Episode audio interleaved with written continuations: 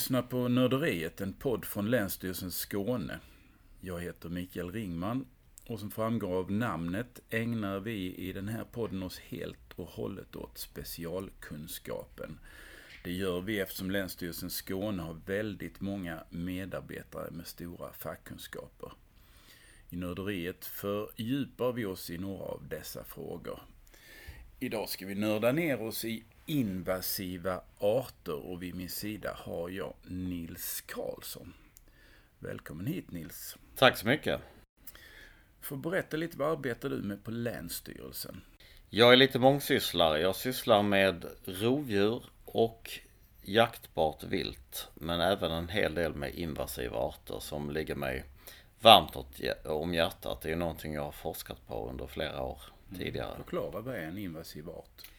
Det finns flera lite grumliga definitioner men det är en art som flyttas från sitt ursprungsland och det ekosystem den kommer ifrån.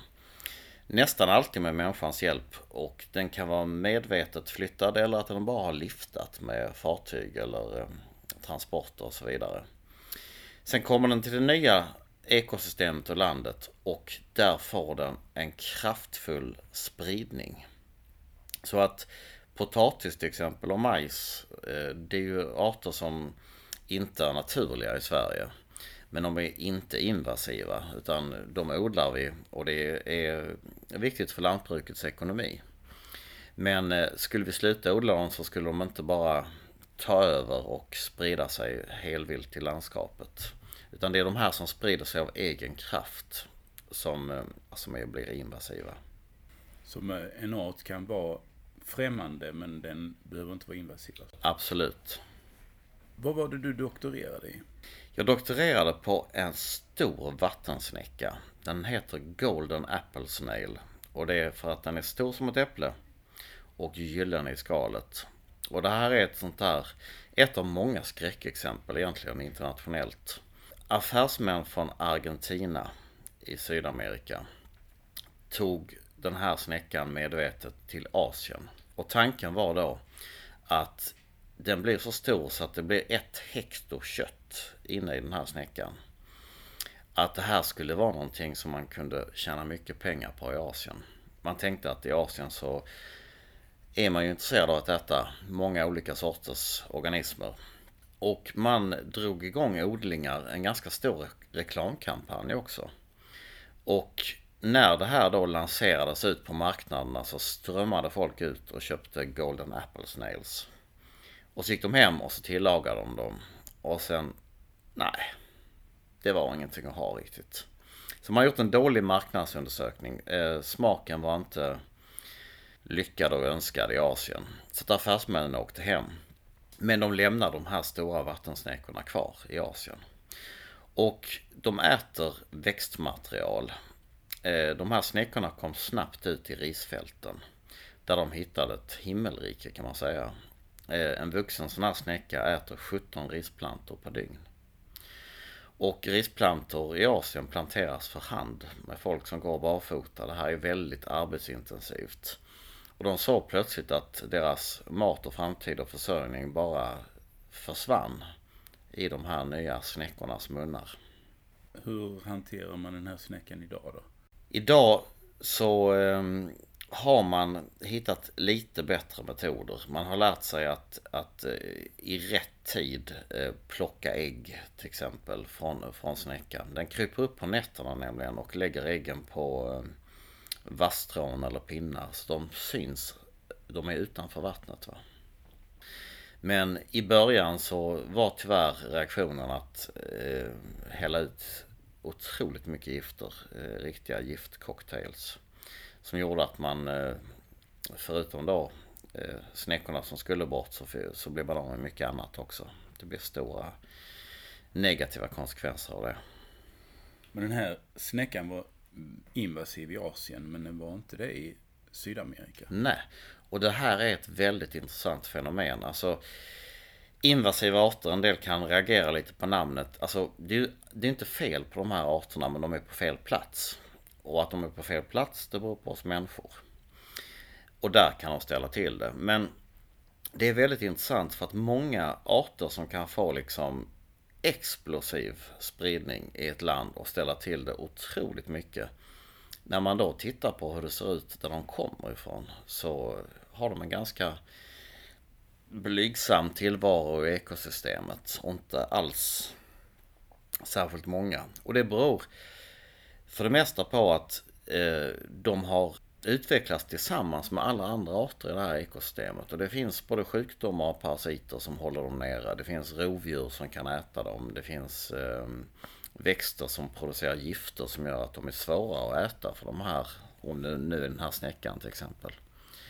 Kommer de då till liksom ett jungfruligt ekosystem som inte har någon erfarenhet av den här arten så kan de då slippa bort från alla de här kontrollerna som höll dem nere. Och då kan det bli nästan som Egyptens eh, gräshoppor i bibliska proportioner på de här invasionerna. Hur vanlig var den i Argentina? Inte särskilt. Jag, eh, till slut när jag hade forskat på den i Asien i många år och förfärats över dessa miljarder, miljarder, miljarder, miljarder snäckor överallt. Så tänkte jag att jag måste tillbaks till ursprunget där den kommer ifrån. Och där gick jag omkring i vardagsstövlar i våtmarker och med hov och det var svårt att hitta den. Den var ganska, ganska ovanlig faktiskt. Den här snäckan finns ju som väl är inte här i Sverige. Men har du nytta av dina kunskaper när du tänker på, eller när du jobbar med andra invasiva arter här? Har jag absolut. Ehm, det man har lärt sig från både forskning och erfaren, internationell erfarenhet är ju att eh, ska man undvika att det blir en katastrof när en invasiv art kommer in så gäller det att vi har ett system så vi upptäcker dem tidigt och att vi gör bekämpning tidigt. När en art finns i ett helt land eller ett halvt land så, så bör det bli omöjligt att göra någonting åt det. Vilka är riskerna med att få in en invasiv art? En av de stora riskerna med att få in en invasiv art som sprider sig liksom väldigt effektivt. Eh, det är att den konkurrerar ut inhemska arter. Alltså den kan... Eh, det som fanns här, istället för att vi har massor av olika växter på en äng så blir det en växt som växer i jättetäta bestånd. Och eh, det här har kallats för maktonalisering av jordens vilda resurser. Mm. Och då menar man att McDonalds är likadant var du än kommer på jordklotet. Och växt och djurriket i den här processen som människan driver bör också bli mer samma. Det är samma arter som blir vanliga på fler och fler ställen och det som är liksom unikt inhemskt, det, det bör försvinna.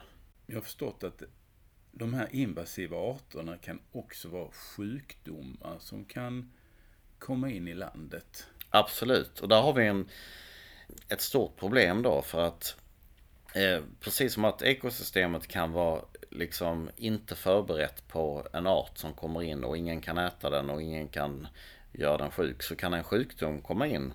En parasit eller en svamp eller något annat som det inte finns någon motståndskraft för. Och det kan till och med vara så att det inte finns någon genetisk variation ens för att kunna utveckla motståndskraft. Och det som kan hända då är att vi kan bli av med en art totalt ur landet av den här sjukdomen. Ett bra exempel är asken som i stort sett är utrotad som träd i Sverige och det har gått jättefort. Det har kommit in en svampsjukdom från Asien som lever på träd i Asien som inte blir särskilt sjuka men våra askar dör av den. Är det samma sak med almen? Det är samma sak med almen eh, och den är också nästan borta som trädslag. Så att eh, det här kan ju då få konsekvenser inte minst för ekonomin också. Skulle vi få in någonting som gick på tall eh, och hade samma dödlighet ehm, så är det ju en nationell katastrof. Eh, skogsbruket i Sverige består ju mest av tall. Och eh, det är en väldigt viktig del i samhällsekonomin.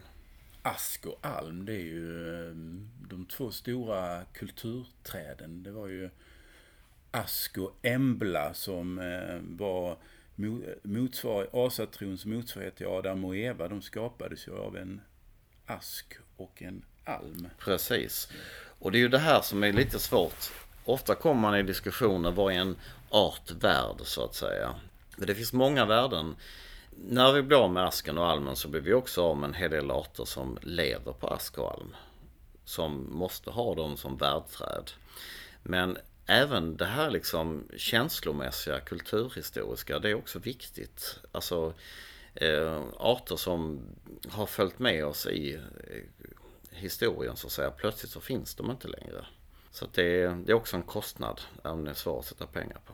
Du sa att den här jättesnäckan var ett skräckexempel, men att det finns fler. Kan du berätta om eh, något annat skräckexempel? Ett exempel som eh, jag tycker är ganska intressant det är ju agarpaddan. Eh, det är en stor padda. Ett och ett halvt kilo kan den väga. Som kommer från Sydamerika. Men den togs medvetet av människan till Australien. För att? För att man ville inte spruta så himla mycket gift på sockerrörsfälten utan man tänkte att vi tar in någon som är duktig på att äta skadeinsekter. Och det är den här paddan. Vällovlig insatser? Absolut. Ofta så finns det liksom en god tanke eh, men kanske lite naiv. De här paddorna kommer in och de äter skadeinsekter i sockerrörsfälten. Men de håller sig inte där utan de drar ju också vidare såklart. Och här kommer då problemet för att agapaddan är giftig. Till och med dödligt giftig. Och det vet inte rovdjuren om i Australien. De är naiva. Utan rovfåglar, ormar, ödlor, krokodiler som då ser den här som de upplever det som den största jäkla groda de har sett i hela sitt liv. Och tänker att den ska jag äta. De dör efter första försöket. Och om du dör av dina misstag så kan du inte lära dig av dem. Och därför så har den här paddan i takt med att den sprider sig i Australien faktiskt utrotat eh, rovdjuren eh, ur flera områden. Eller i alla fall fått dem till väldigt, väldigt låga nivåer. Man tänker ju sig att den här agapaddan borde ju ha en del naturliga fiender där den kom ifrån. Skulle man inte kunna fortsätta då plocka paddans fiender från ursprungslandet och plocka den till Australien? Då? Ja, och det är ju en god tanke som är lika naiv som att ta dit paddan från första början. Eh, det här kallas ju då för Fighting Fire with Fire. Man har gjort det många gånger. Eh, ett bra exempel är ju att engelsmännen släppte ut kaniner i Australien. Och det blev totalt explosivt. De bidrog till ökenbildning. Ehm, det finns bilder från den tiden när det sitter 60-70 000 kaniner runt ett litet vattenhål och väntar på att få komma ner. Och då insåg man att det här är ju en katastrof. Men då visste man ju att i England, där man kom ifrån, där eh, åt ju rävar kaniner. Så då tog man in räven. Och räven åt ju en och annan kanin också i Australien. Men den tyckte mycket bättre om att äta upp de inhemska pungdjuren som var så långsamma. Mm. Så att väldigt, väldigt ofta så är inte det en, en bra idé. Det blir inte som man har tänkt sig. Jag tänker på Sverige. Vi har ju vatten på stora delar av kusten. Det borde väl vara ganska gynnsamt ur eh, skydd mot invasiva arter? Ja, jag tror att vi har eh, på sätt och vis då kanske lite bättre förutsättningar än ett land som Tyskland. Som har, ligger liksom med gräns mot så många andra landgränser. Samtidigt är det så att vi är liksom lika drabbade som många andra länder. Att vi har väldigt mycket eh, transporter in i landet, eh, mycket världshandel. Eh, det är ju alla de här sakerna som har gjort att jordklotet har krympt. Och därför ökar det här med invasiva arter. Vi är fler och fler människor reser mer och mer, mer och mer världshandel. Så det kommer in här också. Men om vi vill bekämpa någonting och hitta det tidigt så har vi lite bättre förutsättningar som att vi, i alla fall på land. Och det här arbetet mot invasiva arter är väl ganska nytt om jag förstått det rätt? I Sverige är det nytt. Tar man länder som Australien, Nya Zeeland, USA, England som har haft invasioner som har slagit hårt i plånboken. Alltså det här har blivit någonting som har skakat om eh, den traditionella ekonomin genom att skogsbruk, eh, något annat eh, verkligen eh, skadas. De har lärt sig det här tidigare. Sverige är det ganska nytt, eh, men vi är nu förbundna sedan den 1 januari 2015 att jobba med det här. För det är ett nytt EU-direktiv som säger att alla medlemsstater måste börja arbeta mot invasiva arter. Och det kom en lista på invasiva arter bara härom veckan. Ja, det gjorde det. Och eh, det här har ju varit ett ganska intressant arbete där man då försökt ta fram en gemensam unionslista på arter som alla medlemsstater måste bekämpa. Eh, tyvärr blev det ganska mycket politik i den här listan ganska snabbt och det beror på att eh, de länder som har någonting som har fått brutalt grepp om landet. De vill inte gärna att den arten kommer upp på listan. För att då blir det väldigt, väldigt dyrt. Så att den, har, den innehåller en del politiska kompromisser men det är ett väldigt bra första steg att vi ska börja ta tag i det här. Som privatperson, hur ska man tänka då när det gäller de här arterna? Som privatperson så är det jättebra om man lär sig lite mer om det här. För att om vi tittar på de växter till exempel som har fått explosiv utbredning och täcker ut och konkurrerar bort eh, våra inhemska arter i många ställen. Så är det nästan uteslutande trädgårdsrymlingar. Och här har vi ett annat fenomen som, som eh, eh, ställer till det och det är den globala uppvärmningen. Ganska många trädgårdsväxter som har hållit sig i ett söderläge och lite ompyssling har de kunnat överleva. Nu när det blir lite varmare så brakar de ut i landskapet. Och här behöver plantskolor, människor, eh, privatpersoner eh, vara mycket mer uppmärksamma. Kolla runt lite. Ehm, sök gärna på nätet och se om den här arten har varit invasiv på andra ställen i Europa. Då är den säkert inte så bra att plantera. Sen tror jag också att man får börja hålla lite koll. Märker man att de här sprider sig som ogräs i trädgården och är på väg över staketet och tittar längtansfullt ut i landskapet. Så ska man nog ta ansvar och ta bort dem helt enkelt. Det måste komma en punkt när en art går från att vara invasiv till att bli en eh, normal del av eh, floran eller faunan. Absolut. Och här finns det liksom inget, det finns inget exakt eh, efter hundra år så är man det man har sett på de flesta invasioner och invasiva arter om man tittar historiskt det är att de kommer upp i en enorm täthet och håller sig där en viss tid. Den kan variera från 10-15 år till 150 år eller sådär. Eh, sen börjar de komma ner och mer blir som en av de andra arterna i ekosystemet. Och det beror ju på att ekosystemet runt om dem hinner ifatt. Eh, en del sjukdomar, en del parasiter, en del eh, rovdjur eller växtätare lär sig att äta dem helt enkelt. Och då är de ju inte lika skadliga längre såklart. Eh, Samtidigt så hinner de ofta ställa till det ganska mycket på de här kanske hundra åren eller vad det nu är. Men idag så skulle jag säga att vi är i en situation där vi har så många arter som har kommit in och sprider sig invasivt. Så att det handlar inte om någon renlärighet utan det handlar om att vi får välja våra strider och helt enkelt bekämpa de arter som gör störst skada. Och sen då helst få igång ett system så vi kan snabbt ta tag i arter innan de fått den här spridningen.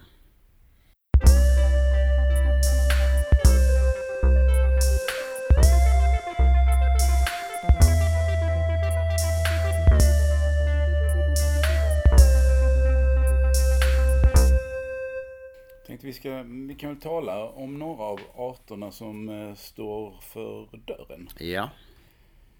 Tvättbjörnen är väl en sån? Tvättbjörnen är absolut en sån. Eh, återigen ett fantastiskt djur. Men den ska bo i Nordamerika. Varför gör den inte det då? Ja, det gör den inte för att redan Hermann Göring, han hade ett, eh, ett zoo i Tyskland. Han var djurintresserad Eh, och under andra världskriget så eh, föll det bomber som faktiskt slog sönder en del av de här inhägnaderna.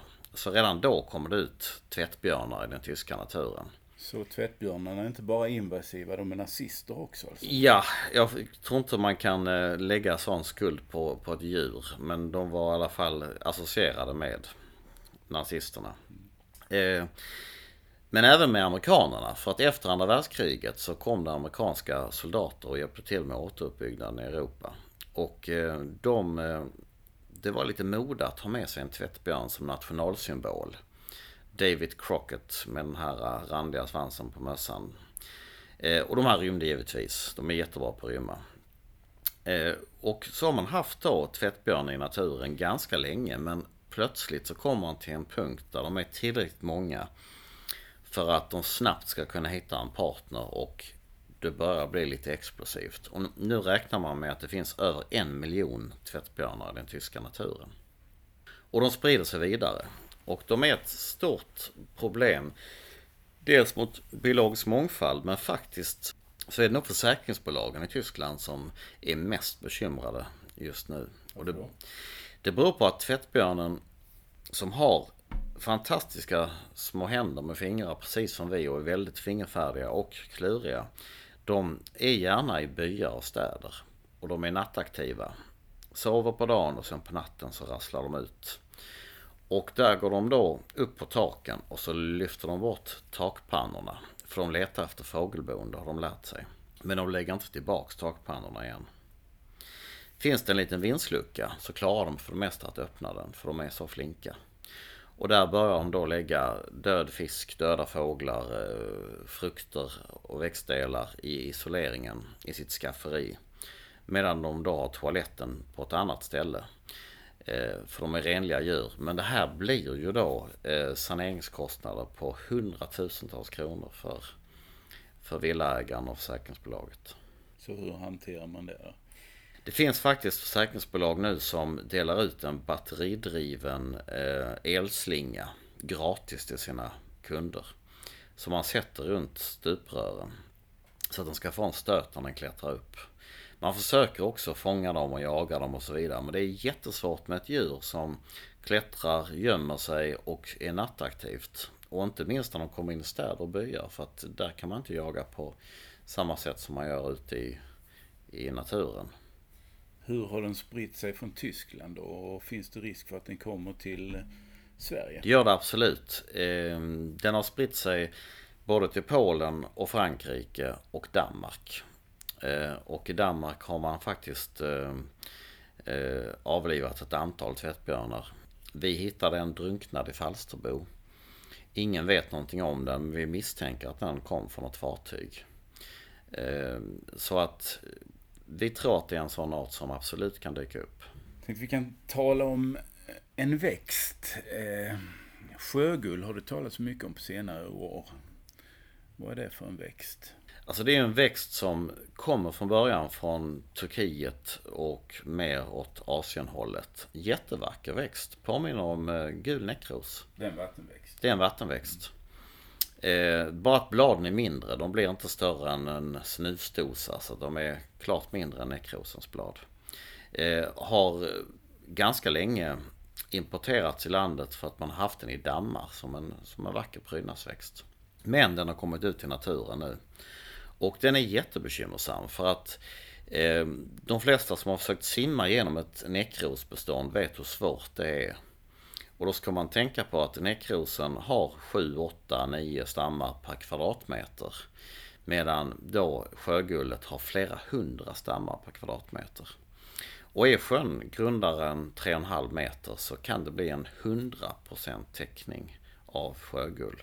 Och det innebär då att då har man plötsligt en sjö som man inte kan simma i. Man kan inte fiska i den, man kan inte åka båt. Och givetvis så har det blivit som en mörk matta över alltihopa. Så att allt som växte där innan försvinner ju. Och hela ekosystemet eh, förändras. Och varför händer detta nu då? Jag tror att det här är typ en sån växt som har funnits ganska länge i landet. Det har eh, kommit ut någonstans i någon sjö från någon damm. Eh, men den har haft en ganska tynande tillvaro fram till att det blev lite varmare. Den här tror jag får fart nu på grund av uppvärmningen. Hur vanlig är den nu? Den är vanlig, eh, allt för vanlig och det går ganska fort. Vi har nio sjöar i Skåne som är invaderade. Och eh, där ser vi att utbredningen går väldigt fort nu. Så att eh, det här är någonting som vi är bekymrade över. Länsstyrelsen har något projekt på gång, är det så? Det stämmer. Vi har sökt pengar i ett live-projekt som vi ska få svar på nu i vår. Ett EU-projekt? Ett EU-projekt. Sen har vi också det har redan satts igång lite mindre projekt tillsammans med fiskevårdsområden som, och kommuner som har sökt pengar från oss. För att försöka stoppa att den här sprider sig. Vi ska tala om en annan växt tänkte jag. Jätteloka. Ja. Vad är det för någon? Ja, det här är ju som namnet avslöjar en stor växt. Eh, ser ut som en eh, rabarber på anabola steroider nästan kan ju bli enorm. Verkligen. 10 cm tjocka stammar. 3 meter höga och blad som elefantöron och vita blommor. Också en trädgårdsväxt. Har tagits in. Eh, har spridit sig ut i naturen.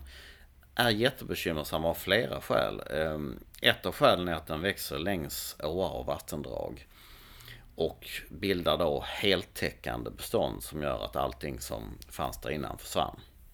Det andra är att den är giftig. Den har ett speciellt gift. Den är fototoxisk heter det. Det innebär att giftet fungerar i samband med solljus. Så att får du växtens saft på dig och sen exponeras för solljus så kan du få väldigt svåra både eksem och köttsår. Man kan till och med bli av med huden eh, på området. Men om man får det här på sig Ska man skölja av det eller vad gör man då? Då ska man skölja av det absolut och man ska framförallt undvika solljus. För att då går det jättesnabbt. Och det är inte bara människor som drabbas utan det är eh, även eh, vilda djur, hundar ehm, kan bli väldigt svårt brända och så vidare. Mårdhund talas det mycket om. Vad är det för djur? Mårdhunden är ju ett ganska märkligt djur, eller på många sätt ett väldigt märkligt djur. Eh, kommer från Korea, Japan, den här delen av Östasien. Hur stort? Hur ser det ut? Stor som eh, en liten grävling eller som en, eh, en väldigt, väldigt stor katt. Mm. Korta ben. Små tassar och en fantastisk päls. Och det är pälsen som har gjort att den har blivit hitflyttad. De, I Sovjet så hade biologerna en, ett stående uppdrag att hitta arter som skulle berika den ryska ekonomin. Man hittade mårdhunden i Korea och tog hem mårdhundar som man började odla i pälsfarmar. Alltså i farm i bur? I bur som industri då. Men så märkte man ganska snart att de fick inte den här fina pälsen i fångenskap. Så därför beslutar man att eh, det är bättre att vi släpper ut dem och så kan vi ha dem som ett pälsvilt att jaga.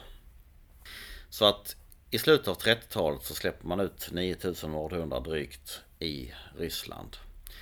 Ehm, och det var ett misstag kan man säga. Ehm, förra året körde man över 200 000 mårdhundar i Finland. Ehm, man har miljontals mårdhundar i Finland. Men även i Estland, Lettland, Litauen, Polen, Tyskland och Danmark på väg mot Frankrike. Mårdhunden har idag ett större utbredningsområde i Europa än den har i sitt naturliga utbredningsområde i, i Asien. Så finns den i Finland så bör det ju vara ganska lätt för den att ta sig in i Sverige. Och det är det också. Eh, vi har lite hjälp av vintrarna Eh, i norra Sverige och norra Finland. De är lite för tuffa för det här kortbenta djuret när det blir mycket snö. Så det är inga mängder där uppe men vi, har, vi är med i ett mårdhundsprojekt och där bekämpas de. Och eh, man har lyckats bra i norra Sverige faktiskt. Man har kontroll på situationen. Det finns någon typ av fällor eller kameror. Berätta om det. Dels är det ett kamerasystem för att se vad som kommer in. Eh, sen jobbar man med eh, förrädardjur som har visat sig vara extremt effektivt. Det vill säga att om man får en bild på en mårdhund i ett område, då vet vi att den finns. Eh, då sätter man ut fällor men även eh, så har man hundar som är specialtränade på just mårdhund. Mårdhunden som fångas in ska inte dödas utan den steriliseras för att inte kunna fortplanta sig. Den avmaskas för att inte kunna sprida allmänfarliga sjukdomar som de kan göra annars. Och så får den ett dyrt och fint GPS-halsband. Och sen släpper man den. Och då har man sett att den bara vandrar och vandrar. Du kan titta på datorn och se hur det här djuret rör sig. Tills den plötsligt stannar upp. Och om den stannar upp då har den hittat andra mårdhundar. Eh, det här är mycket effektivare än att låta människor göra det här jobbet. Ehm, och ett bra exempel är ju de mårdhundar som nu sprider sig söderifrån, alltså från eh, i Danmark. Ehm, idag så finns det mårdhund framförallt på Jylland. Men det var mycket rykten om att det fanns mårdhundar på Fyn. Ehm, och det var ingenting som tydde på att de hade kommit ut på öarna men folk var oroliga. Ja, då satte man en sändarförsedd hane i ena änden av Fyn, som är en ganska stor ö med mycket folk. Eh, och så en sändarförsedd tik i andra änden. Och sen kunde man då titta hur de skannade av hela ön för att mötas i mitten. Och de stannar inte uppe innan, då vet vi att det finns inte andra mårdhundar där. Finns det sådana här kameror ut med den skånska kusten också? Det gör det. Och det kan märk verka märkligt. Vi har ingen konstaterad mordhund hittills i Skåne. Men det är ju att vi försöker ta till oss den här äh, kunskapen att skulle vi upptäcka dem jättetidigt så har vi en helt annan förutsättning att stoppa att de etableras. De, får, äh, de har en extremt hög reproduktion. Äh, snittkullstorleken är åtta valpar som ettåring. Så att eh, väntar man för länge så blir det väldigt svårt. Vad är problemet med mårdhundar förutom att man kan köra på den? De är inte så farliga att köra på för de är små. Eh, men problemet med mårdhunden är att den bildar extremt täta populationer. Det blir jättemånga djur på liten yta. Ser man då i södra Finland, Tyskland, många, många ställen där de blir många i våtmarksområden. Så lyckas de faktiskt utrota groddjuren. Eh, de är så många så att det blir liksom ingenting kvar. Samma gäller markhäckande fåglar. Eh, de som har sina bon på marken, både ägg och ungar försvinner. Så att det är ett stort hot mot biologisk mångfald. Det andra är de här mårdhundarna som kommer söderifrån som har plockat upp en del sjukdomar som sprids snabbt i en tät population. Till exempel dvärgbandsmask som är en parasit som är dödlig hos människan. Jag tänkte vi skulle ta, tala om en växt igen. Eh, som jag trodde var en vanlig blomma, lupiner. Eh, men den räknas som invasiv. Ja, alltså det är ju en, det är ju en vanlig blomma. Eh, den har eh, typiskt igen en, en trädgårdsväxt jättevacker. Jag är uppvuxen med den. Jag fyller upp sommaren och har alltid fått lupiner på min födelsedag. Och tycker om dem. Eh, men problemet är ju här igen då att de, när man kör längs vägarna och tittar i vägrenarna så på många ställen så är det bara lupiner. Och för att då förstå varför det här är ett problem så ska man tänka att förr i tiden så hade vi slåtterängar precis överallt i Sverige. De här slogs oftast med lie efter blomningen och de var fulla med olika inhemska växter. Alla de vi sjunger om till midsommar och så vidare och gjorde kransar av. Och där fanns det ett myller av bin och, och, och fjärilar och, och ja, många arter som, som behövde specifika blommor. Idag så försvinner slåtterängarna ur landskapet. Men vi har kvar en slåtteräng som faktiskt håller ihop. Och det är vägrenarna som slås av Vägverket. Så där har vi haft kvar väldigt mycket av våra blomster som då sitter ihop i sammanhängande bestånd även om de är smala. Mil efter mil. Och där har vi haft de här blommorna, en mångfald av fjärilar och bin och så vidare. Eh, problemet är då att om vi då bara får lupiner, även om de är vackra, så, så blir det biologisk enfald istället för mångfald. Och varför blir det så att vi bara får, varför tar de över? Ja, det är ju lite svårt att veta precis vilka mekanismer det är. Det är liksom att allting stämmer för dem. för att förstå det lite djupare så kan man säga så här att om du flyttar en art till ett annat ekosystem så i mer än 90% av fallen så kommer den bara dö. Alltså det, det funkar inte helt enkelt. Det är någonting som saknas. Det är för kallt eller för varmt eller för torrt eller vad som helst. Va? Sen har man de som, som är kvar i ganska tynande bestånd. De lyckas precis få grepp och, och klara sig lite och sen kanske efter 40 år så blir det en kall vinter så är de borta. Va? Så att de här som liksom får den här explosiva invasionsförmågan, de är egentligen någon procent eller mindre än det av det totala som kommer in. Men eftersom att det totala är så stort idag, för att vi, vi flyttar hela tiden, så är de tillräckligt många de här för att det ska bli ett jätteproblem. Och ofta vet man inte riktigt varför, men på något sätt så har de kommit till någon sorts superoptimala förhållanden. Allting stämmer och deras konkurrensförmåga blir större än de inhemska växterna och då blir det bara dem.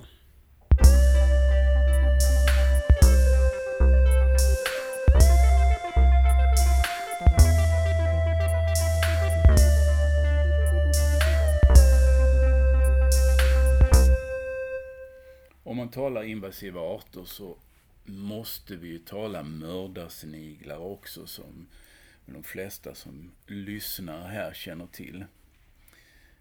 Hur dök de upp i Sverige? Ja, alltså för det första kan man säga att jag tycker att namnet är ganska roande. Ehm, så vitt jag vet så har de inte mördat någon. Eh, det är ett lite märkligt namn men... Eh, vi kan kalla dem spansk skogssnigel också. Kan vi göra. Spansk skogssnigel är, är väl lite vettigare namn. Eh, men det här visar lite på en lite tafatthet att vi inte riktigt har lärt oss. Eller inte på den tiden. För det här var då i mitten av 70-talet. Utanför Påarp i Helsingborg. De har kommit in med växtmaterial till en plantskola folk som bor runt omkring märker att plötsligt så har man bruna slemklumpar som äter upp allting i trädgården. Och man börjar höra av sig både till naturvårdsmyndigheter och jordbruksmyndigheter. Och får då svaret från naturvårdsmyndigheterna att ja, eh, vi tittar bara på arter som ställer till i naturen. Och från jordbruksmyndigheterna så säger man att vi har ju bara ansvar för kommersiell odling, inte för trädgårdsodling. Eh, så att man låter det här vara trots att man har det här fönstret som vi så mycket drömmer om. Att hitta en art tidigt på en begränsad yta som gör att man faktiskt kan göra någonting. Nu finns ju mördarsnigeln över Götaland och Svealand. Den, den, har ju fått en enorm spridning ända upp längs Norrlandskusten. Så att, att bekämpa den eller bli av med den är nog helt omöjligt. Men nu vet vi också att den är ett hot både mot biologisk mångfald och jordbruket. Den äter upp lundfloran i Dalbyhage, de här fina bokskogarna till exempel. Eh, och för lantbruket så kommer de ut i ensilagen, det man ska ge till korna. Och när man bakar in dem i de här vita plastbalarna så eh, kan det utvecklas botulism som gör att det här blir giftigt helt enkelt för korna. Man kan inte, man kan inte fodret blir otjänligt till korna. Så att det är ett exempel på där man borde ha sett hur brett det kan drabba och jobba tillsammans istället för att skylla på varandra och släppa det så att säga. Men nu då? Är det för sent att göra någonting nu?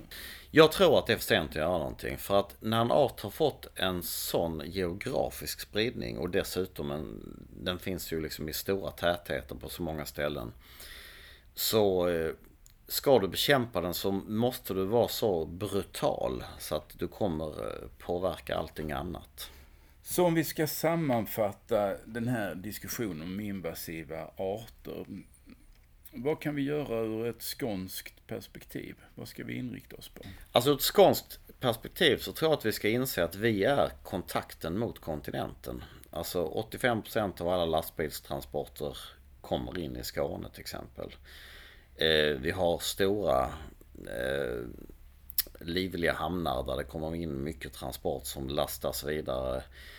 Eh, om saker sprider sig i Tyskland, norra Tyskland ställer någonting till det, Danmark, ja då ska vi upprätta en beredskap som vi gjort för mårdhunden till exempel. Så att vi är beredda. Tidig upptäckt, tidig bekämpning, men också information.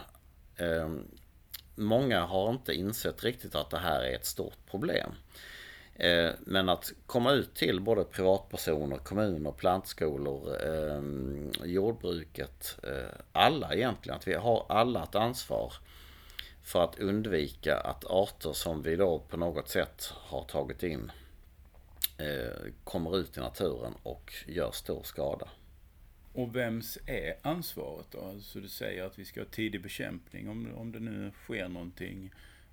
Är det Länsstyrelsen som tar sig an det? Eller är det Länsstyrelsen, kommunen, ehm, det, har inte, det har inte gjorts klart riktigt vad som gäller. Det här är ju ett arbete som nu pågår febrilt efter att EU-förordningen ehm, har kommit.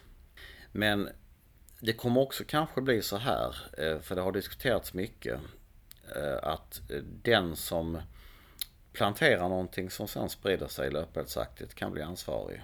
Alltså enligt det här polluter pays. Den som förorenar får, får betala. Eh, och det innebär ju att alla måste tänka sig för väldigt mycket. Så att man inte då planterar någonting som sen blir svårbekämpat över ett jätteområde. För det blir ju dyrt givetvis. Nils, det har varit en stor glädje att ha dig här. Tack så mycket. Tack så mycket det har varit intressant för mig att lära mig mer om invasiva arter. Jag hoppas att ni som lyssnar tycker detsamma. Hej hej!